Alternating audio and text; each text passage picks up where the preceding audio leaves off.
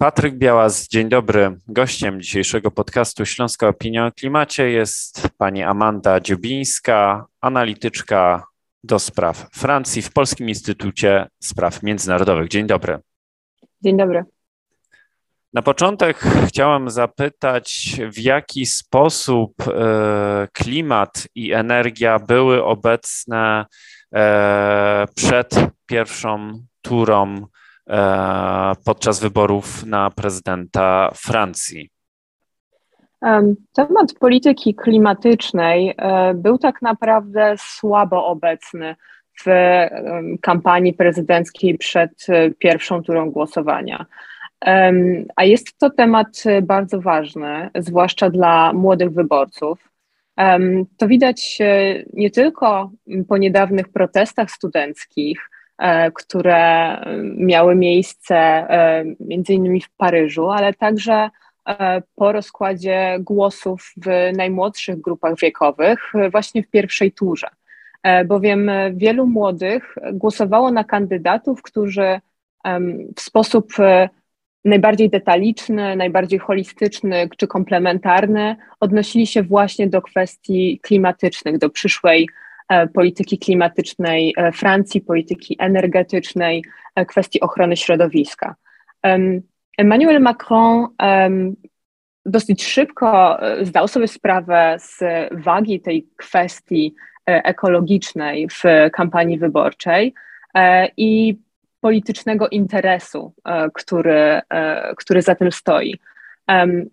Stawka dla kandydata na prezydenta jest e, oczywiście bardzo wysoka i jest nią właśnie między innymi przekonanie wyborców lewicowych, którzy w szerokim, w dużym stopniu głosowali na Jean-Luc'a Mélenchona, kandydata skrajnej lewicy, oraz Janika Jadot, E, obaj kandydaci są tymi, którzy w sposób szczególny w kampanii wyborczej zabiegali o kwestie klimatyczne e, i u których kwestie klimatyczne w programach e, wyborczych były bardzo ważne i nie były tylko odrębnym punktem, ale także w sposób właśnie komplementarny odnosiły się do innych polityk Francji. Najbliższa pięcioletnia kadencja prezydencka e, wiadomo, że będzie decydująca, jeżeli chodzi o walkę z globalnym ociepleniem. Nawet przed, e, przed pierwszą turą e, wiele organizacji pozarządowych w sposób bardzo detaliczny weryfikowało poglądy poszczególnych kandydatów na kwestie klimatyczne. E, I ta weryfikacja nie wypadła e, korzystnie dla, dla większości z kandydatów. Także dla e, tej dwójki, która będzie się ubiegać o, o wygraną w drugiej turze wyborów, czyli dla Emmanuela Macrona i dla Marine Le Pen.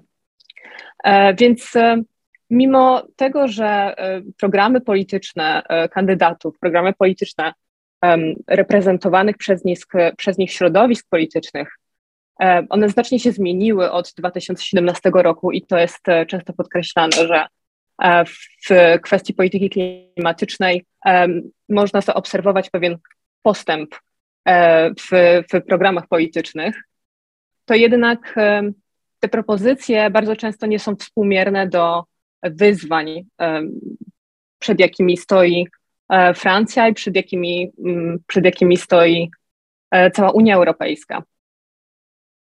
E, jeżeli chodzi o diagnozę taką na ogólnym poziomie, to co do zasady kandydaci na prezydenta są jednomyślni i twierdzą, że Francja musi zrezygnować z paliw kopalnych.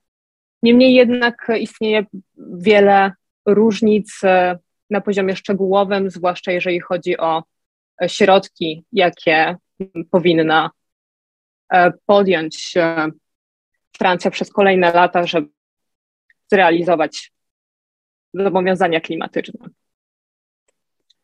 To chciałem jeszcze dopytać, czy analizując wybory prezydenckie we Francji, te poprzednie i te obecnie trwające, czy w społeczeństwie francuskim i również wśród kandydatów dostrzega się taką właśnie zmianę, czy energetyka i klimat staje się głównym tematem rozmów, czy staje się głównym przedmiotem debaty politycznej e, w czasie wyborów?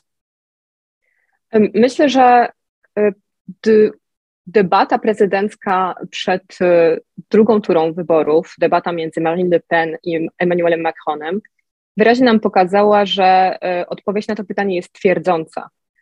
To znaczy, że kwestie klimatyczne, zaczynają odgrywać coraz większą rolę. E, I nawet e, jeżeli mówimy o, o bardzo szczegółowych e, obszarach działalności rządu francuskiego, to w tychże obszarach często propozycje osadzane są właśnie w perspektywie redukcji gazów cieplarnianych, redukcji emisji gazów cieplarnianych, E, walki o, o klimat, więc e, jest e, z całą pewnością zarówno w klasie politycznej, wśród opinii publicznej, ale także wśród społeczeństwa francuskiego coraz bardziej widoczne takie przekonanie i konsensus co do tego, że Francja powinna bardzo e, zaawansowany sposób e, myśleć o, o polityce klimatycznej, o klimacie e, i odnosić wszelkie zobowiązania właśnie do tego problemu. Tak się składa, że ja akurat nie miałem okazji śledzić szczegółowo tej ostatniej debaty prezydenckiej. Natomiast chciałem zapytać, czy podczas tej debaty padły Mm, tematy związane z e, neutralnością klimatyczną Francji, datą odejścia od e, paliw kopalnych, e, no i w końcu, jak wygląda stosunek kandydatów na prezydenta do energetyki jądrowej? Debata oczywiście miała swoje e, ograniczenia czasowe, ona trwała co prawda bardzo długo, ale polityka klimatyczna była jednym z e, kilku bloków tematycznych w trakcie tej dyskusji, więc e, siłą rzeczy nie wszystkie postulaty kandydatów wyraźnie wybrzmiały w trakcie tej debaty. No niemniej jednak zagłębiając się w program wyborczy, czy to Emmanuela Macrona, czy to Marine Le Pen, już możemy się doszukać konkretnych zobowiązań, konkretnych e, dat i konkretnych e, liczb e, związanych z polityką klimatyczną. Jeżeli chodzi jeszcze o samą debatę, to można było odnieść wrażenie, że Marine Le Pen była znacznie bardziej defensywna niż Emmanuel Macron. E, Macron podkreślał, że Le Pen jest kandydatką sceptyczną co do polityki klimatycznej, co do polityki radykalnie ograniczającej emisję gazów cieplarnianych. Le Pen z kolei zarzucała Macronowi, że jest e, klimatohipokrytą. Mówiła, że propozycje Macrona e, uderzają w ludzi. To jest bardzo częsty argument skrajnej prawicy że wszelkie zobowiązania, które Francja powinna e, podjąć w związku z polityką klimatyczną, muszą w pierwszej kolejności mieć na uwadze gospodarstwa domowe i zwykłych ludzi. Więc e, e, jej zobowiązania są znacznie mniej radykalne niż Macrona. Macron w, swojej, w swoich wizjach jest daleko idący, natomiast Le Pen zawsze podkreśla, że jeżeli E, jej postulaty są w jakiś sposób e, ograniczające, to tylko dlatego, że ma ona na względzie dobro zwykłych ludzi. Um, ogólnie, jeżeli mielibyśmy scharakteryzować e, poglądy kandydatów na, na kwestie klimatyczne, to Marine Le Pen jest w, bardzo krytyczna, jeżeli chodzi o takie międzynarodowe ramy klimatyczne i jest sceptyczna co do wszelkich wielostronnych porozumień w tym zakresie. Ona krytykuje Europejski Zielony Ład, po, krytykuje porozumienie paryskie, chociaż nie zapowiada, że Francja się z tego porozumienia wycofa, jednak bardzo silnie podkreśla, że tak naprawdę Francja powinna sama decydować o tempie redukcji o e, tempie zmian, e, jeżeli chodzi o e, politykę klimatyczną. Macron z kolei tych ram międzynarodowych nie kwestionuje. Nie kwestionuje także narodowej strategii niskoemisyjnej, która została przyjęta przez jego poprzednika François E, a następnie przez Emmanuela Macrona w trakcie pięcioletniej kadencji została, e, została także zmodyfikowana. E, to jest taka strategia, która zawiera wytyczne dotyczące wdrażania właściwie we wszystkich sektorach działalności przejścia na zrównoważoną, niskoemisyjną gospodarkę o obiegu zamkniętym.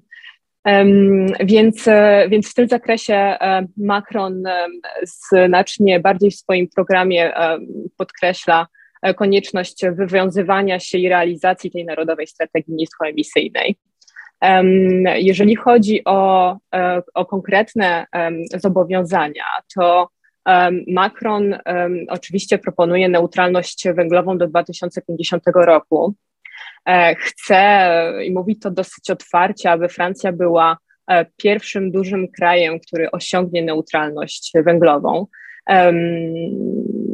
Jeżeli chodzi o Le Pen, to e, ona twierdzi, że e, redukcja emisji e, dwutlenku węgla powinna być, powinna być każdego roku aktualizowana. Te cele każdego roku powinny być, powinny być dostosowywane do bieżących możliwości francuskich.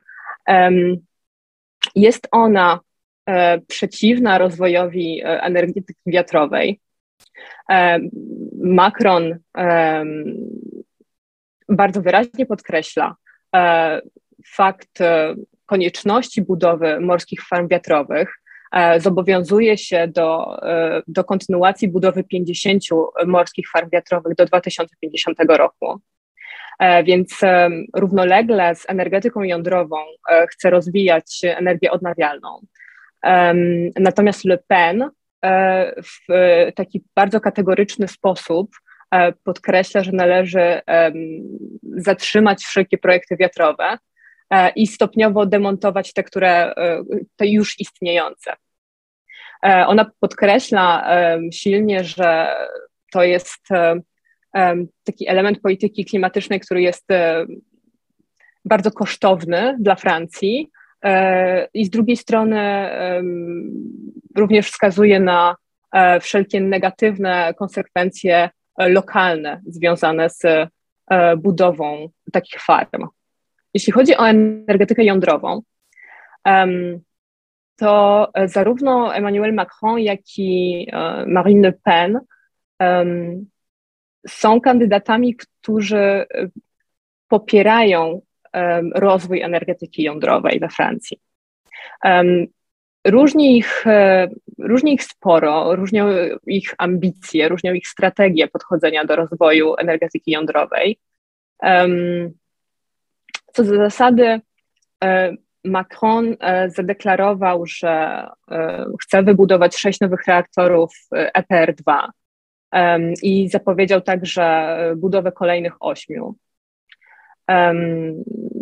chce, żeby Francja e, ponownie zainwestowała i włożyła e, duży wysiłek w energię jądrową w imię transformacji ekologicznej, e, ale także w imię suwerenności przemysłowej, która również jest dla niego szalenie istotna. Le Pen z kolei deklaruje rozpoczęcie budowy 20 nowych reaktorów EPR chce rozpocząć budowę pięciu par EPR, do, e, które mają być uruchomione do 2031 bodajże roku e, i pięciu par EPR2 e do 2036 roku.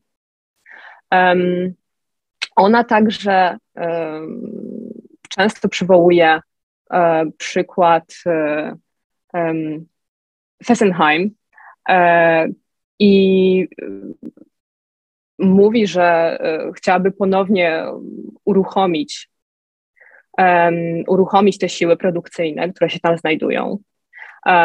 To jest fabryka, która została zamknięta w 2020 roku. I Marine Le Pen obwinia za to prezydenta Macrona, ale no, trzeba, trzeba pamiętać, że Emmanuel Macron i jego prezydentura e, no, nie są bezpośrednio odpowiedzialne za, za ten stan rzeczy, ponieważ ta decyzja została już podjęta przez, przez jego e, poprzednika. Jeżeli chodzi e, o pozostałe elementy e, programu klimatycznego obojga kandydatów, to myślę, że warto zwrócić także uwagę na takie kwestie jak transport, przemysł czy chociażby rolnictwo. Rolnicy są tą grupą wyborców, do których Marine Le Pen zwraca się bardzo często i widzi swoje szanse w pozyskaniu tego elektoratu. Ona deklaruje, że chce, co prawda, wspierać e, rolnictwo ekologiczne, ograniczać, e, ograniczać e, dostawy, zewnętrzne dostawy żywności i stawiać przede wszystkim na produkcję krajową. Jednym z jej postulatów jest to, żeby E, stołówki francuskie były w zdecydowanej większości zaopatrywane produktami francuskimi. Macron z kolei e, stawia dosyć silnie na, na kwestie technologiczne, jeżeli chodzi o rolnictwo i, i dekarbonizację tego sektora. E, więc podkreśla znaczenie robotyki, genetyki, technologii cyfrowych różnego typu.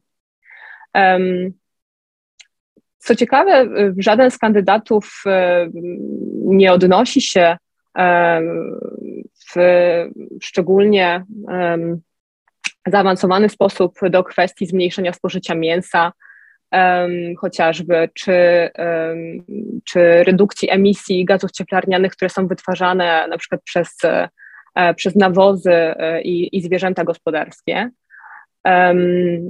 Nie mówią także zbyt wiele o agroekologii, która jest bardziej przyjazna dla środowiska w praktyce, w praktyce rolniczej. W kwestiach e, transportu i przemysłu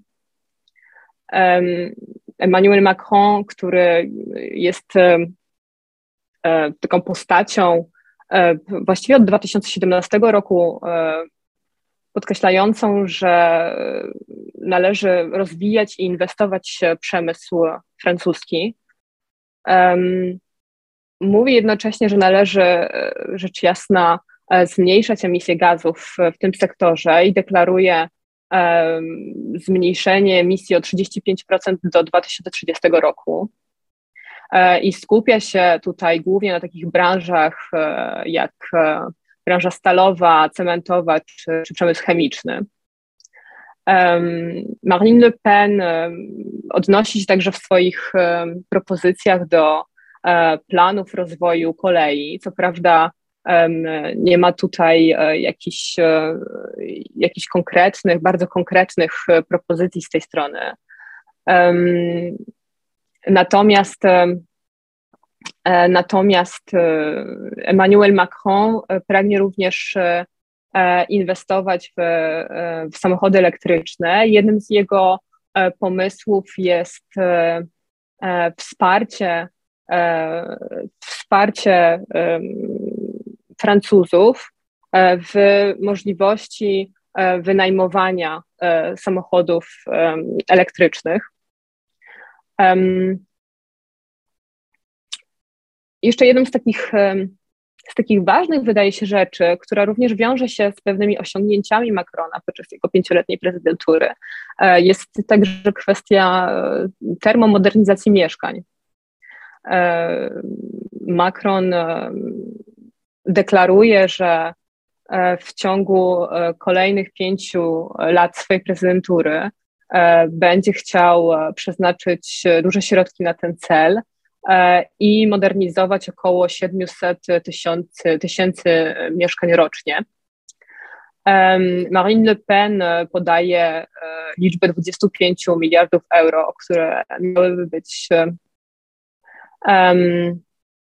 miałyby być zaplanowane na, na zbliżone cele, E, także w części na e, dotacje, na wymianę e, kotłów olejowych. Także tych propozycji już nie tylko w debacie, bo jak wspomniałam, ona miała swoje ograniczenia, ale już w, samym, w samych programach politycznych tych kandydatów jest, jest naprawdę wiele.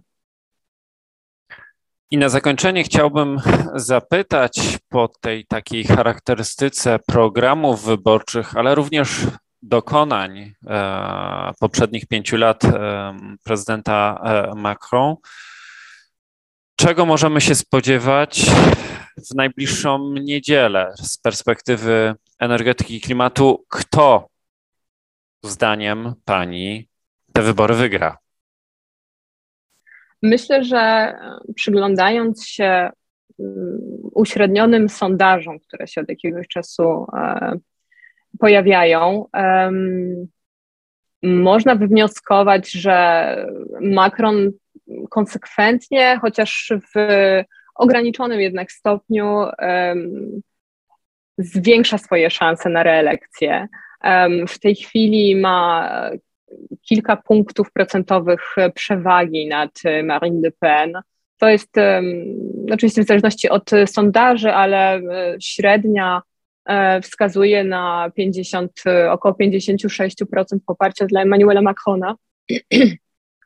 To co prawda nie jest, nie jest jeszcze przewaga, która gwarantuje reelekcję. Nie jest to przewaga, która pozwalałaby Macronowi poczuć się pewnie. Dlatego między innymi e, w pierwszym tygodniu e, po ogłoszeniu wyników e, pierwszej tury Emmanuel Macron, wiedząc o jaki elektorat musi zawalczyć, a jak wspomniałam, jest to elektorat głównie lewicowy, dla którego kwestie klimatyczne są, są ważne, są fundamentalne, wystąpił w Marsylii deklarując, że jego przyszły e, premier, przyszły premier nowego rządu francuskiego będzie bezpośrednio odpowiedzialny za planowanie ekologiczne. E, to jest, e, to jest taki postulat bardzo nośny, więc widać już po przepływach elektoratów, po sondażach dotyczących tego, w jaki sposób, w jaki, w jaki sposób wyborcy z pierwszej tury e, zmieniają swoje preferencje e, w kierunku czy to Le Pen, czy to Macrona, że ci, którzy głosowali na ekologa, na Janika Żadota, i ci, którzy głosowali na Jean-Luc'a Mélenchona, jednak w większości będą chcieli zagłosować na Emmanuela Macrona. Pytanie pozostaje, ile, ilu z tych wyborców zdecyduje się zostać w domu, a jest to elektorat również bardzo sceptyczny co do, co do osiągnięć Emmanuela Macrona z pierwszej kadencji w kwestiach e, klimatycznych. Jednak tych e, zapowiedzi e, programowych z 2017 roku odnoszących się właśnie do klimatu i ochrony środowiska w dużej większości Emmanuel Macronowi nie udało się zrealizować i wyborcy to wiedzą, wyborcy to pamiętają. Niemniej jednak, e, no póki co e, można przypuszczać, że większe szanse e, ma Emmanuel Macron, ale jak mówię, nie jest to jeszcze przewaga, która gwarantuje reelekcję. E, zostało jeszcze, e, zostało jeszcze trochę czasu e, na mm, aktywność w terenie. Ta aktywność w terenie jest szalenie istotna i zaangażowanie obojga kandydatów w dotarcie do, do, do nowego elektoratu, do który poszerzy im bazę wyborczą na drugą turę, jest, e, jest, jest szalenie istotne w, w, w tym tygodniu. Także e, myślę, że możemy się możemy się spodziewać, że walka będzie trwała od każdego, o każdego wyborcę będzie trwała do, do ostatniego momentu przed, przed ciszą wyborczą. No a co się wydarzy w niedzielę? Tak naprawdę nie wiemy, możemy tylko przypuszczać. I, ale z całą pewnością, jeżeli chodzi o kwestie, o kwestie klimatyczne, e, to e, następne pięć lat prezydentury e, będzie bardzo ważne dla rozwoju Francji, rozwoju również innych państw unijnych i całej polityki unijnej skierowanej w stronę ochrony środowiska i zapobieganiu zmian klimatycznych. Bardzo dziękuję za dzisiejszą rozmowę. Gościem dzisiejszego podcastu była pani Amanda Dziubińska, analityczka do spraw Francji Polskiego Instytutu Spraw Międzynarodowych. Dziękuję za rozmowę. Dziękuję bardzo.